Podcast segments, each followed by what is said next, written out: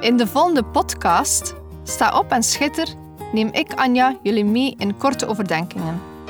Als christenvrouw, moeder en echtgenote wil ik bemoedigen en aansporen om op te staan en te schitteren. We zijn niet gemaakt om in Gods koninkrijk stil te zitten en niets te doen, maar om op te staan en dienstbaar te zijn. In de eerste plaats zien over God, daarna zien over ons gezin, onze partner of onze geloofsgenoten. En als gevolg zullen we dan ook schitteren in de wereld. Neem je Bijbel bij de hand, want zonder Bijbel zijn we als een kok zonder eten of een zanger zonder stem. Dus luister naar, sta op en schitter.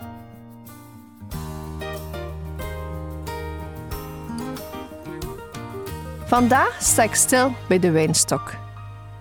Als ik denk aan een wijnstok, denk ik aan sappige druiven en ook aan een goed glas wijn. Natuurlijk gaat het vandaag niet over een gewone wijnstok, maar de wijnstok Jezus. In de Bijbel wordt er vaak gesproken over druiven, wijnranken en wijnhaarden. Wij worden dan ook vaak opgeroepen om vrucht te dragen. Ik neem jullie mee naar Johannes 15, versen 1 tot en met 8. Ik ben de ware wijnstok en mijn vader is de wijnhaardenier. Elke rank die in mij geen vrucht draagt, neemt hij weg. En elke rank die vrucht draagt, reinigt hij, omdat zij meer vrucht draagt. U bent al rein vanwege het woord dat ik tot u gesproken heb. Blijf in mij en ik in u. Zoals de rank geen vrucht kan dragen uit zichzelf, als zij niet in de wijnstok blijft, zo ook u niet, als u niet in mij blijft. Ik ben de wijnstok, u de ranken. Wie in mij blijft en ik in hem, die draagt veel vrucht. Want zonder mij kunt u niets doen. Als iemand niet in mij blijft, wordt hij buiten geworpen, zoals de rank, en verdord. En men verzamelt ze en werpt ze in het vuur, en zij worden verbrand. Als u in mij blijft en mijn woorden in u blijven, vraag wat u maar wilt en het zal u ten deel vallen. Hierin wordt een Vader verheerlijkt, dat u veel vrucht draagt en mijn discipelen bent. We bevinden ons juist voor de terechtstelling en kruisiging van Jezus. Een tijd waarin Jezus zijn discipelen belangrijke zaken wil leren. Hij gebruikt hiervoor illustraties om zijn volgelingen te helpen begrijpen wat hij bedoelt. Hij zegt: Ik ben de ware wijnstok en mijn vader is de wijnhaardenier. In dit vers verwijst Jezus naar zichzelf als de ware wijnstok. In onze oren een religieuze uitspraak. En voor een niet-christen zal dit ook zeer vreemd zijn om te horen. Het is een uitspraak die ons niet doet denken aan het gewone leven. Wij groeien niet op in een streek vol wijnhaarden. Misschien klinken die woorden eerder romantisch en doen ze je denken aan het warme zuiden, aan een wijnstreek, de streek van Bordeaux of iets dergelijks. Meer dan 2000 jaar geleden klonk dat helemaal anders in de oren. Wijnhaarden waren zeer normaal in het gebied waar deze woorden werden gesproken, zodat de discipelen zich het voorbeeld konden voorstellen dat Jezus gebruikte. Jezus beschrijft God de Vader ook als de wijnhaardenier of wijnbouwer. Hij is degene die zich 100% inzet om goede vruchten te krijgen in zijn wijnhaard. Laten we even kijken wat de taken zijn van een wijnbouwer in het dagelijkse leven hier op aarde. De aanleg van een nieuwe wijnhaard is geen alledaags gebeuren. De wijnbouwer neemt tal van beslissingen waarvan de gevolgen op lange termijn ingeschat moeten worden. Het uitzoeken van de juiste grond, het planten van die jonge wijnstruiken. Het hele jaar door is de wijnbouwer begaan met de verzorging van zijn druivelaar. Dag en nacht is hij bezig met het nakijken van de takken. Zijn werk start al van voor ze vrucht dragen. De eerste kleine oogst is in het derde jaar na de aanplanting. De eerste normale oogst pas na vijf jaar. Zo zal hij de ranken op de gepaste tijd snoeien, desnoods aanbinden en voorzien van de nodige steunpaaltjes.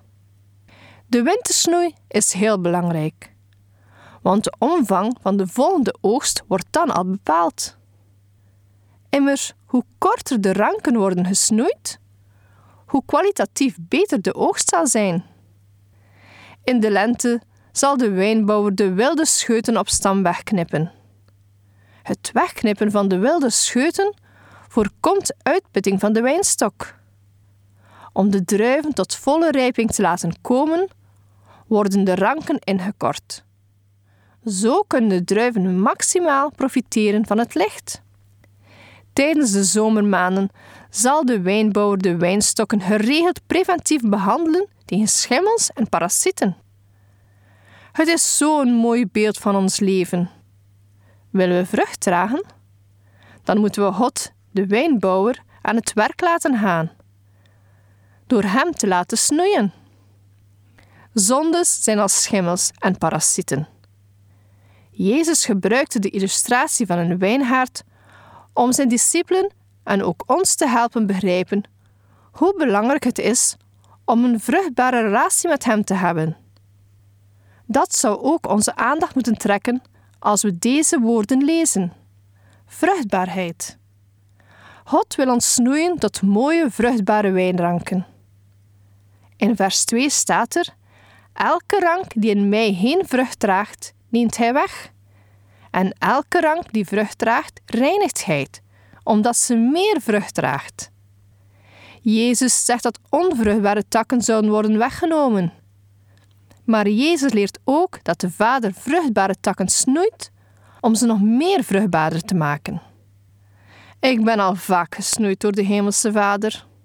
Dit proces veroorzaakt pijn en ongemak. Maar het eindresultaat is niet perfect, maar wel steeds mooier. Laten we versen 4, 5 en 7 nogmaals lezen. Blijf in mij en ik in u. Zoals de rank geen vrucht kan dragen uit zichzelf, als hij niet in de wijnstok blijft, zo ook u niet. Als u niet in mij blijft, ik ben de wijnstok, u de ranken. Wie in mij blijft en ik in hem, die draagt veel vrucht. Want zonder mij kunt u niets doen.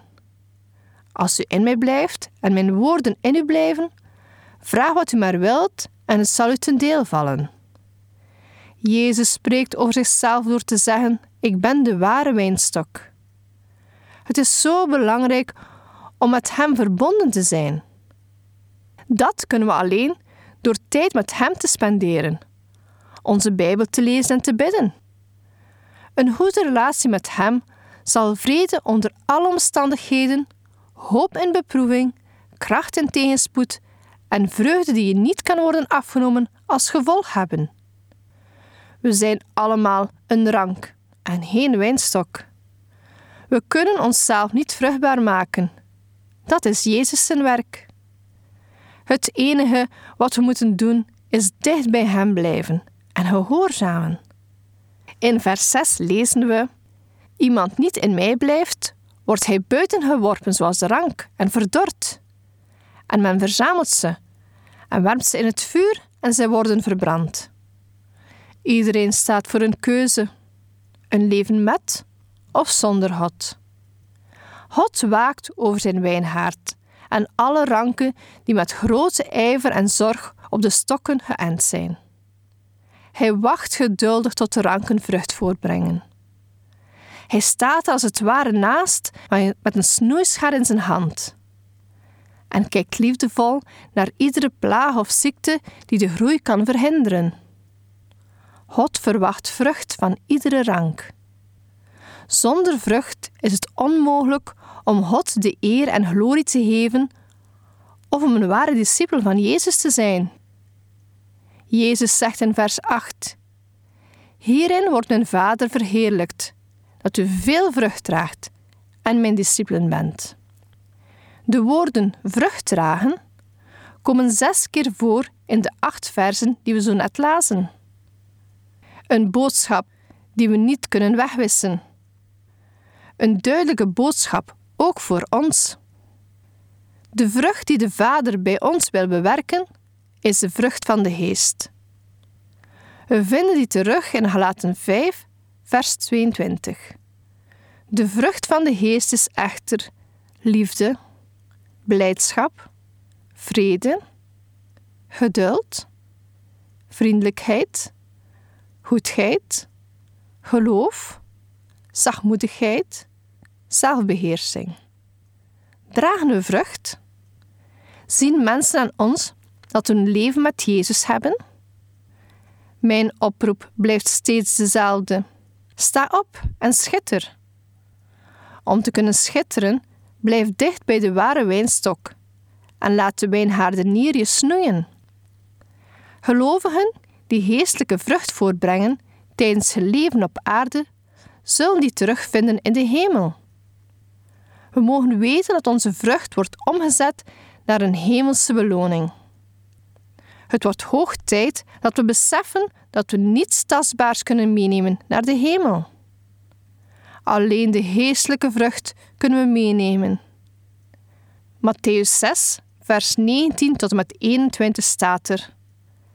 Verzamel geen schatten voor u op de aarde, waar mot en roest verderven, en waar dieven inbreken en stelen.